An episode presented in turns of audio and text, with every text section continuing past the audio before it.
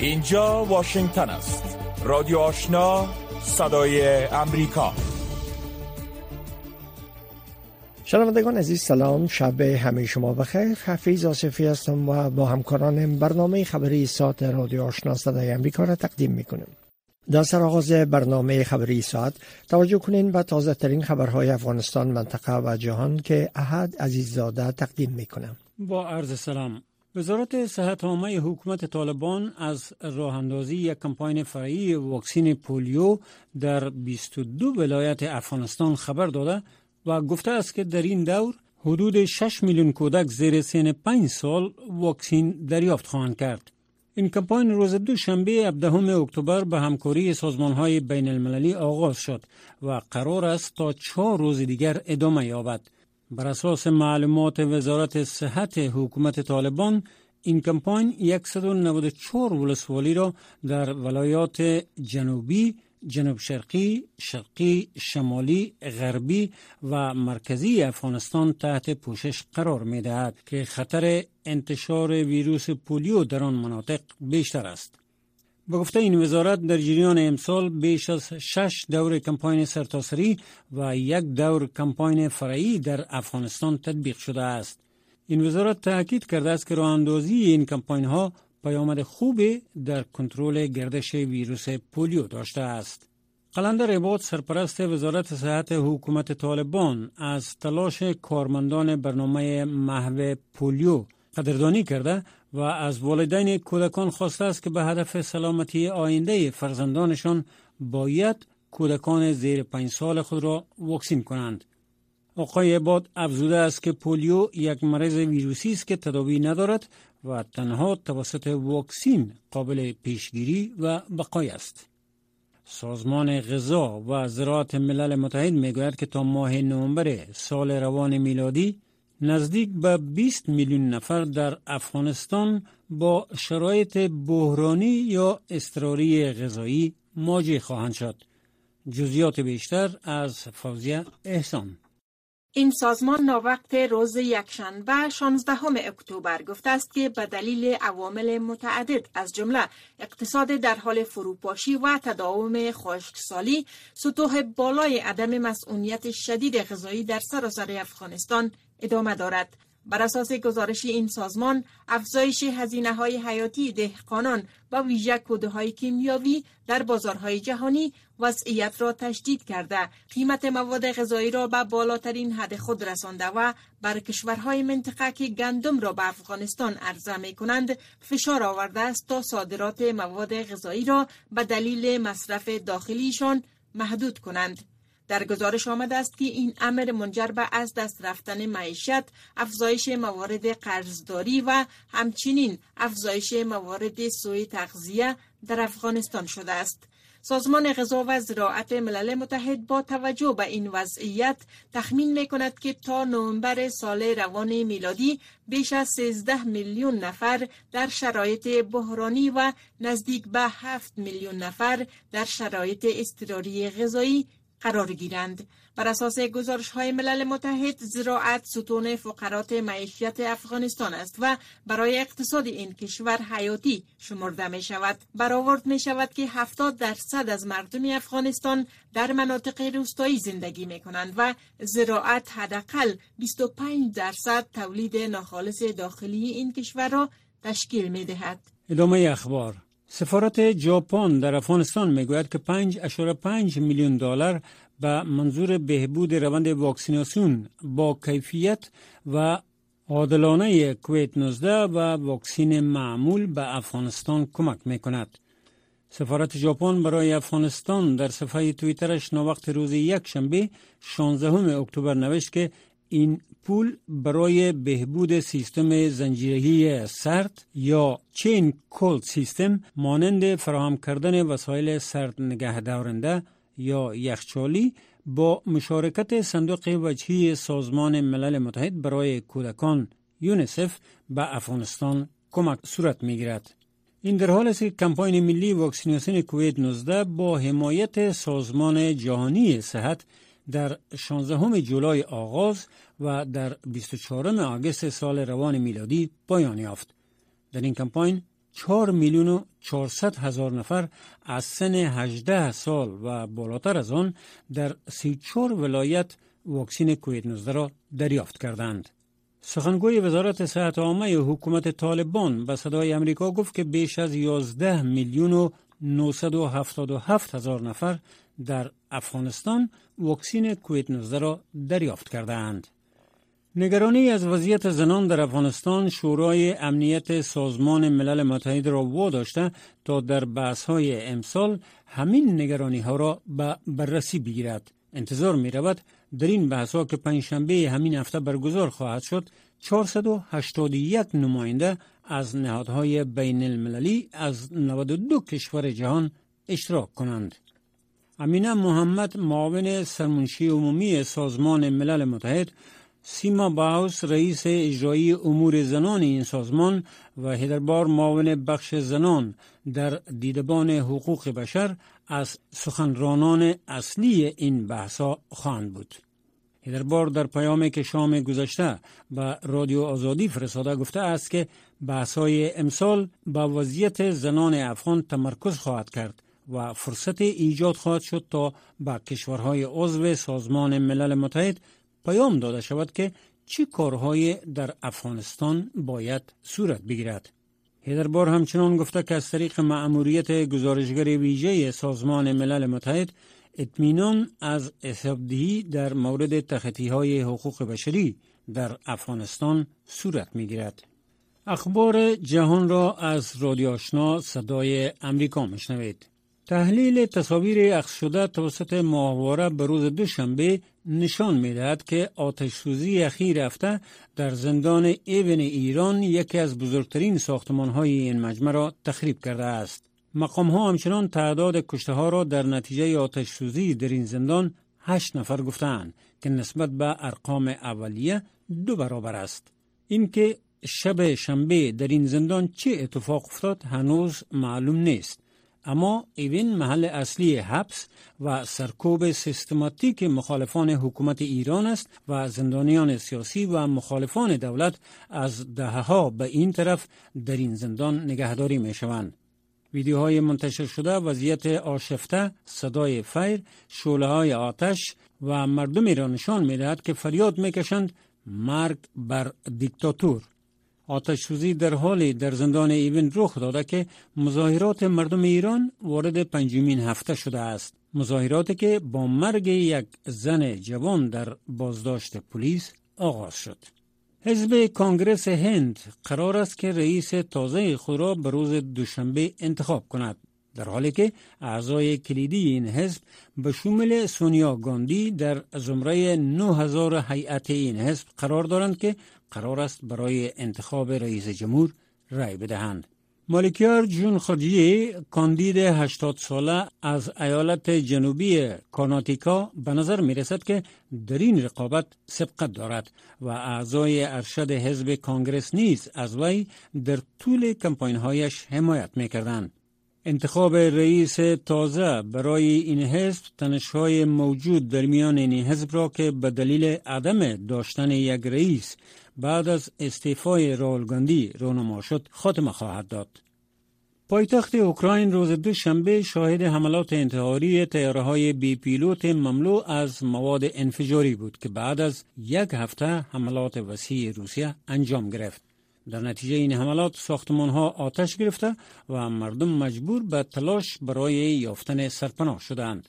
حمله با استفاده از تیاره های بی پیلوت و حملات هوایی در مرکز کیف در ماهای اخیر خیلی کم رخ داده بود. اما حملات این تیاره ها و تنین صدای انفجارها در سراسر شهر باعث ایجاد وحشت و ترس گردید. کریلو تیمیشینکو معاون دفتر رئیس جمهور گفت یکی از تیاره های بی پیلوت به یک ساختمان مسکونی برخورد کرده که در نتیجه سه تن کشته شده اند. تسهیلات انرژی نیز در این حملات هدف قرار داده شده است. نشانهای وجود دارد که تیاره های بی پیلوت ساخت ایران نیز در این حملات کار گرفته شده است. در حملات روز دوشنبه قبلی روسیه بر کیف بیشتر از میزایل ها کار گرفته شده بود.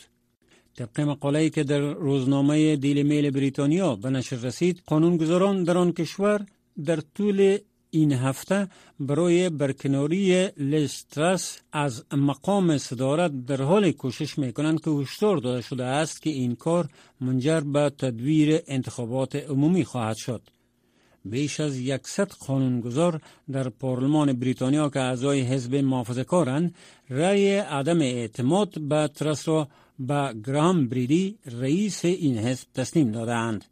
از زمان خروج بریتانیا از اتحادیه اروپا در سال 2016 این کشور با تنشهای سیاسی مواجه شده و از آن زمان تا کنون سه صدر تعویض شده است. وزیر خارجه اتریش قبل از ملاقات با همتایانش به روز دوشنبه در لوکزامبورگ گفت که استفاده از تیاره های بی پیلوت ایران توسط روسیه در جنگ علیه اوکراین باعث تشدید این جنگ خواهد شد و جین اسلنبورن همتای وی در لوکزامبورگ نیز ابراز کرد که تحریم های اتحادیه اروپا بر ایران در صورت که شمولیت تهران در جنگ روسیه در اوکراین را ثابت کند محدود به چند فرد باقی نخواهد ماند. از سوی دیگر سخنگوی وزارت خارجه ایران امروز دوشنبه گفت که آن کشور تیاره بی پیلوت را به روسیه به هدف استفاده در اوکراین فراهم نکرده و منبع این معلومات را غرب دانسته و ایزار داشت که این اتهام روی دلایل سیاسی بر ایران وارد شده است. پایان اخبار افغانستان منطقه و جهان تا این ساعت از رادیو آشنا صدای امریکا شنوندگان گرامی رادیو آشنا صدای امریکا نشرات رادیو آشنا را در موج متوسط 1296 موج کوتاه 11575 اعشاری صفر و در موج 972 کیلوهرتز شنیده می توانید. خبرهای افغانستان منطقه و جهان از رادیو آشنا صدای امریکا شنیدین. آل هم گزارش های ای برنامه شمار از معتادان در ولایت غزنی میگن که استعمال بیش از حد مواد مخدر اونا را با مشکلات روانی و روحی روبرو ساخته. در میان این معتادان کسانی هم هستند که ده ها سال از اعتیادشان میگذره و اکنون تمامی نیروی زینی خود از دست دادند. شر بیشتر در گزارش از لطیف یعقوبی.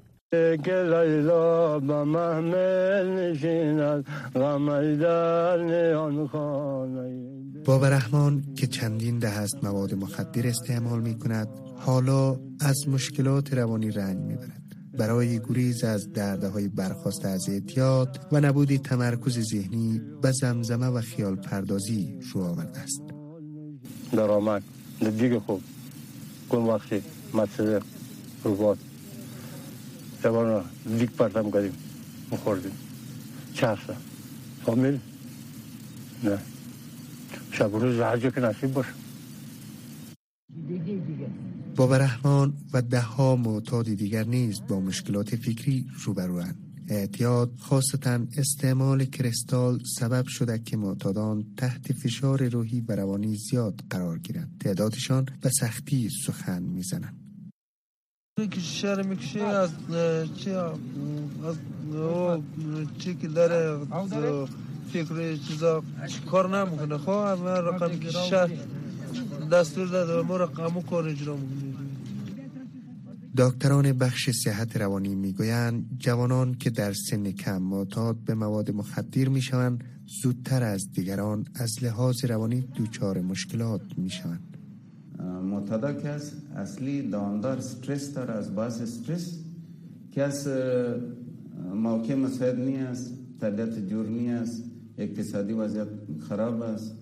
اونم است که یا با بیکاری زیاد است یا با علمی کار دست بزنه. از بعضی از مجبوری.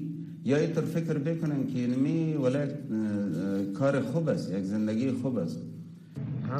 به باور روانشناسان اعتیاد به مواد مخدر یک بیماری ذهنی دماغی است. به همین دلیل حتی پس از ترک اعتیاد نیز ذهن فرد معتاد با مواد مخدر درگیر میماند.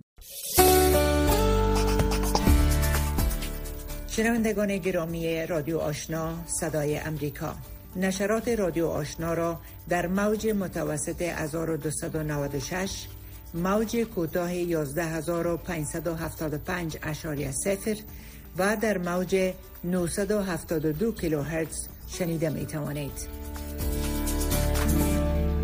انتونیو گوترش منشی عمومی ملل متحد در تویتر خود نوشته که شمار افراد مبتلا به گرسنگی در سه سال گذشته بیش از دو برابر شده در رابطه به افزایش تعداد افراد مبتلا به گرسنگی در افغانستان فوزی ایسان مصاحبه با وحید الله امانی سخنگوی سازمان جهانی غذا انجام داده که اینک تقدیم میشم سرمنشی عمومی ملل متحد گفته که در سه سال گذشته افراد مبتلا به گرسنگی شمارشان بیش از دو برابر شده. ما می‌خواستیم بفهمیم که وضعیت در افغانستان چگونه است اگر یک کمی معلومات بتین در رابطه با وضعیت افغانستان.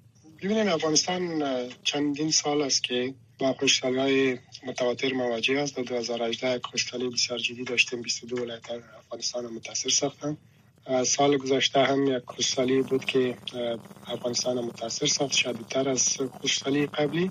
در پلوی از این سلاف های اخیر شما دیدیم در افغانستان. متاسفانه خسارات بسیار هنگفت را بجا گذاشت. از زلزله ها و این تمامش هم حوادث طبیعی است که بنابر تغییر اقلیم متاسفانه افغانستان بیشتر متاثر ساخته و ما نگران وضعیت هستیم. در پالی از این ویروس کرونا هم یکی از عامل بود که افغانستان بیشتر متاثر ساخت از نگاه اقتصادی. البته تاثیرات منفیش هنوز هم قابل دید است. و خود وضعیت امنیتی افغانستان بیجا شدگی های تمام شامل است که در افغانستان فقر متاسفانه روز به روز رو به افزایش است. با خصوص تحولات سیاسی سال گذشته با وجود آمد و اکثریت مردم افغانستان کسایی که وظایف داشتن معاش می داشتن امرار معیشتشان تمامش از طریق معاشات بوده. وظایف خود از دست دادن قیمت های مواد غذایی بلند رفتن بانک ها و سیستم های اقتصادی متاثر, متاثر شدن ولی تنوز هم به شکل عادی و قبلیش بر نگشتن این تمام شوامل است که وضعیت در افغانستان دیگرگون ساخته و با وجود آمده و پیش بینی هم که ما در زمستانی که پیش رو داریم زمستان سخت خواهد بود بر مردم افغانستان. دوم دومین زمستانی است که مردم افغانستان بدون از اینکه آمادگی داشته باشند مهاجر میشن.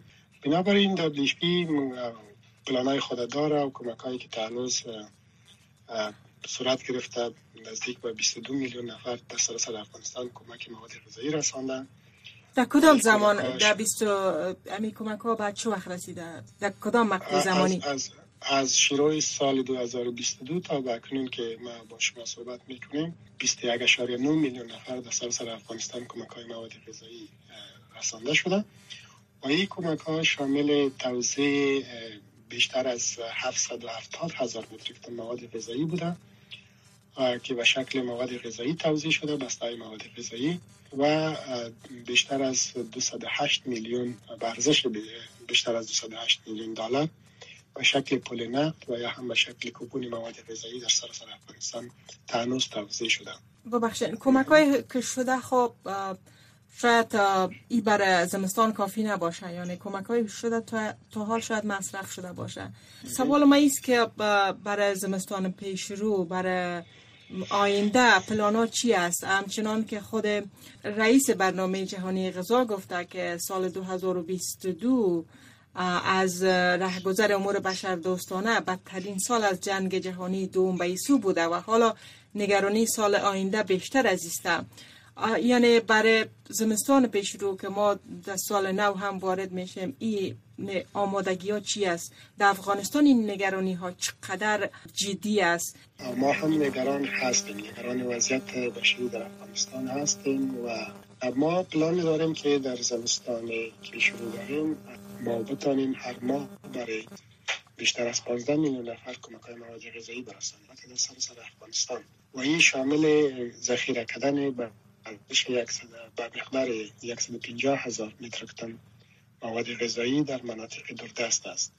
مناطقی که راه های مواصلاتیش بسته میشه بنابر اولین برفباری و بنابر ماهای زمستانی که اکسس یا دسترسی به اون مناطق باز ممکن نمی باشه این 150 هزار متریک تن مواد غذایی در اون مناطق دوردست کمک خواهد کرد تا دو دو میلیون نفر در پنج ماه آینده اینا از نگاه مواد غذایی با کمبود جدی مواد غذایی مواجه نشد البته برای رساندن همین کمک ها و پلانی که داریم به امکانات مالی نیاز داریم که امکانات مالی به حدود یک یک میلیارد دلار نیاز است تا ما بتانیم این برنامه را و پلان تطبیق بکنیم.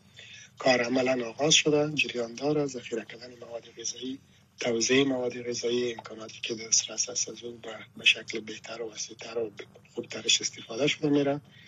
ولی امکانات مالی دیگر نیاز است که بسری وقت به دسترس ما قرار بگیره تا ما بتانیم مردمی که نیازمند است به اونها رسیدگی صورت رادیو آشنا صدای امریکا هفت روز هفته. خبر و گزارش ها و تحلیل های خبری روز. استفانو پنتوکورو آخرین نماینده ملکی ناتو میگه که نشانهایی وجود داشت که جمهوریت در حال سقوط بود در افغانستان و در روزها و هفته های اخیر این مسئله بیشتر مشخص شد و رفتن رئیس جمهور غنی به دلایلی که داشت موجه نبود. اما در هر حال باعث سقوط کشور و اداره ها شد. نماینده پیشین ملکی ناتو در افغانستان در مصاحبه با ژیلان نوری نخست در مورد روزهای اخیر نظام جمهوریت و خروج افراد ناتو و وضعیت هرج مرج افغانستان چنین توضیح داد. آنچه اتفاق افتاد دو وضعیت مختلف در کنار یکدیگر بود. آنچه در دوحه با آنچه در افغانستان و اطراف کابل رخ می‌داد متفاوت بود. روزهای اخیر حکومت جمهوری واضح شده بود که اردوی افغانستان به دلیل معامله که سیاستمداران کرده بودند جنگ نخواهد کرد و همین مسئله را که در کتاب خود هم ذکر کردم. باعث ایجاد بیاعتمادی بر جمهوریت شد و در نهایت مسئولیت آن را رئیس جمهور داشت. مردم کشور را ترک می کردند و شماری از مقامات حکومتی و وزرا در حال فرار بودند. در این حال در دوحه مذاکرات از 14 اپریل پس از آن که رئیس جمهور بایدن معیاد خروج قوای آمریکایی را اعلام کرد لغو شد و این وضعیت را در دوحه تغییر داد. در روزهای اخیر قبل از سقوط مذاکرات برای حکومت انتقالی صورت گرفت که ممکن باعث نجات می‌شد و می توانست جلوی مصیبت را که بر سر مردم آید بگیرد. در زمانی که حکومت افغانستان به دست طالبان به صورت سقوط می‌کرد شما در افغانستان بودین؟ آیا شما انتظار داشتین که چنین اتفاق بیفتد؟ خب نشانه هایی وجود داشت. من هنوز معتقد هستم که پرواز رئیس جمهور غنی سبب آن شد و او دلایلی داشت که هیچ کدام آن دلیل موجه برای ترک کشور نبود و این باعث سقوط ادارات شد. اگر او باقی میمان در آن صورت یک حکومت تا حد فعال بود و همه از این وضعیت در امان میماندند. در بین رهبران افغان مخالفت های وجود داشت. و نظر شما چرا ناتو نتوانست که بین رهبران افغان اتحاد به میان آورد؟ و سقوط کشور جلوگیری شده و طالبان پیروز نشدند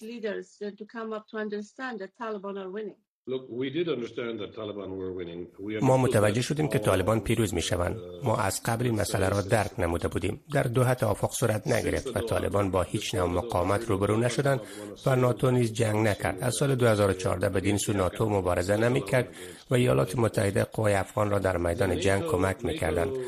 اما در اصل ناتو طبق اصولی که به من گفته شده بود ناتو به عنوان شریک که در سیاست های داخلی افغانستان دخالت نمی کند حرکت می کرد مشکل این بود که رئیس جمهور سابق یعنی آقای غنی به عدم حفظ توافق یا بعدهای شهرت یافته بود و به همین دلیل رهبران به او اعتماد کردن نتوانستند. این بزرگترین مشکل بود. در همچو وضعیت چطور باید دخالت می شد و اگر ما در این مسائل پای خود را داخل می کردیم در آن صورت ما را به اخلال روابط داخلی و حاکمیت ملی کشور متهم می‌کردند و این یک وضعیت بسیار بد بود. تا کنون طالبان با ادامه رفتارشان از خواسته های جهان چشم پوشی نمودند. شما این افغانستان در حکومت طالبان چطور پیش بینی می‌کنید؟ به نظرم طالبان برای مدتی روی قدرت میمانند به خاطر که حاکمیت مطلق با زور و جبر دارند و یک رژیم خشونتبار است. آنها در حال حاضر از فشار و زور استفاده می کنند در برابر آنها داعش است و در کل گزینه درست باقی نمی ماند جنبش مقاومت به اندازه کافی توانایی ندارد که در برابر قدرت طالبان بجنگد. امیدوارم که جامعه مدنی بتواند کاری بکند و از یک نگاه تا حدی تشویق شدند و ممکن بتوانند طالبان را بفهمند ماند که همچو حاکمیت آنها آینده ای ندارد. متاسفانه معتقدم که قبل از اینکه به آن برسیم ما شاهد عذاب کشیدن زیاد مردم افغان هستیم و برای طالبان فرقی نمی کند آنها در رژیم قبلی و فعلی مشغول فساد و دزدی هستند. و در مورد مردم بی هستند و طرفدار نوع جنبش مطلق اسلامی هستند که شماری کم مردم به آن باور دارند. طالبان بیشتر به فکر خود هستند تا به فکر کشور. امیدوارم که فشارهای جامعه جهانی بتواند در برابر این وضعیت و رفتار طالبان ادامه یابد و در این حال اقدام مناسب باید صورت گیرد. در واقعیت مردم افغان مردم شجاع هستند و مادیات پرست نیستند. امیدوارم که برای سرنوشت خودشان تصمیم بگیرند. شما برای برقراری روابط مستقل میان ناتو و طالبان مشوره می دهید؟ نه خیر. من نقش عملی برای ناتو در افغانستان نمی بینم ممکن یک کشور به تنهایی بتواند عملا در افغانستان دخیل بماند. در حال حاضر ناتو همچون نقشی در افغانستان نمی تواند داشته باشد. اما من فکر نمی کنم که طالبان به حرف کسی گوش دهد. من آنها را از نزدیک تحت نظر دارم. به خاطری که از سه سالگی که من در افغانستان پا گذاشتم سابقه تاریخی با این کشور دارم و مسائل مربوط آن را دنبال می کنم می‌دانم که کشورها در منطقه با طالبان در حد بسیار سطحی معامله دارند. آنها برای معامله با طالبان قانع نشدند و در میان سایر مسائل کشورهای مانند چین و روسیه تا حدی با آنها روابط دارند. در این حال پاکستانی ها و ایرانی ها علاقمند هستند که در افغانستان یک کشور نابسامان بماند. ایالات متحده اخیرا محدودیت صدور ویزا را برای شمال از رهبران طالبان و مقام های افرادی که در سرکوب اعتراضات زنان دست داشتن وضع کرده است. به نظر شما کشورهای عضو ناتو و اتحادیه اروپا ممکن تصمیم مشابه بگیرند؟ امیدوارم این کار را بکنند و در واقعیت باید این کار شود. اما آنچه که من در موردش بسیار متاسف هستم این است که توجه جهان از افغانستان برداشته شده و محو شده است. مردم در پایتخت های کشورهای اروپایی وضعیت مردم افغان را درک کرده نمی توانند و با مسائل مانند اوکراین یا پرداخت مصرف برق و کویت و سایر مسائل درگیر هستند. در هر حال توجه چندانی به مسائل افغانستان باقی نمانده است. اما معتقدم که ما همه دنبال یک راه حل هستیم به خاطر که حوصله همه از وضعیت طالبان به سر آمده است. منشی عمومی ناتو در مورد روابط با طالبان گفته است که مربوط به رفتار این گروه با مردم می شود اخیرا هشتگ نسل کشی هزاره ها را متوقف سازید. باعث ایجاد کمپاین اعتراضات سراسری مردم افغان شد. شما این مسئله را دنبال نمودین. از او حمایت می‌کنید یا خیر. در حضور ناتوی افراد نیست. توسط گروه های مختلف هدف قرار می گرفتند چرا جلو گرفته نمی‌شد نظرتون چی است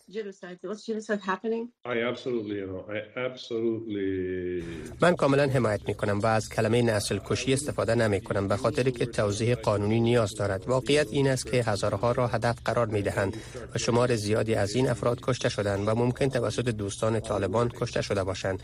واقعیت این است که طالبان باید این وضعیت را متوقف سازند و بیشتر به تامین امنیت مردم و اقلیت ها توجه کنند و در صورتی که این کار را نکنند در نسل کشی هم دست باقی میمانند.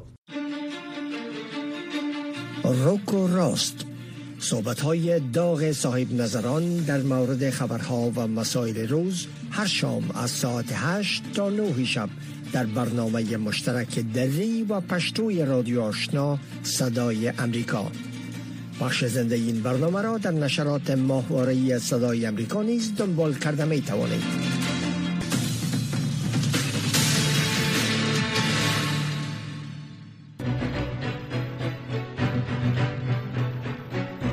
شنوندگان عزیز. ای بود داشته های برنامه خبری که در همینجا به پایان رسید. اما نشرات پشتو و دری رادیو آشنا صدای امریکا همچنان ادامه داره. شنونده رادیو آشنا باشید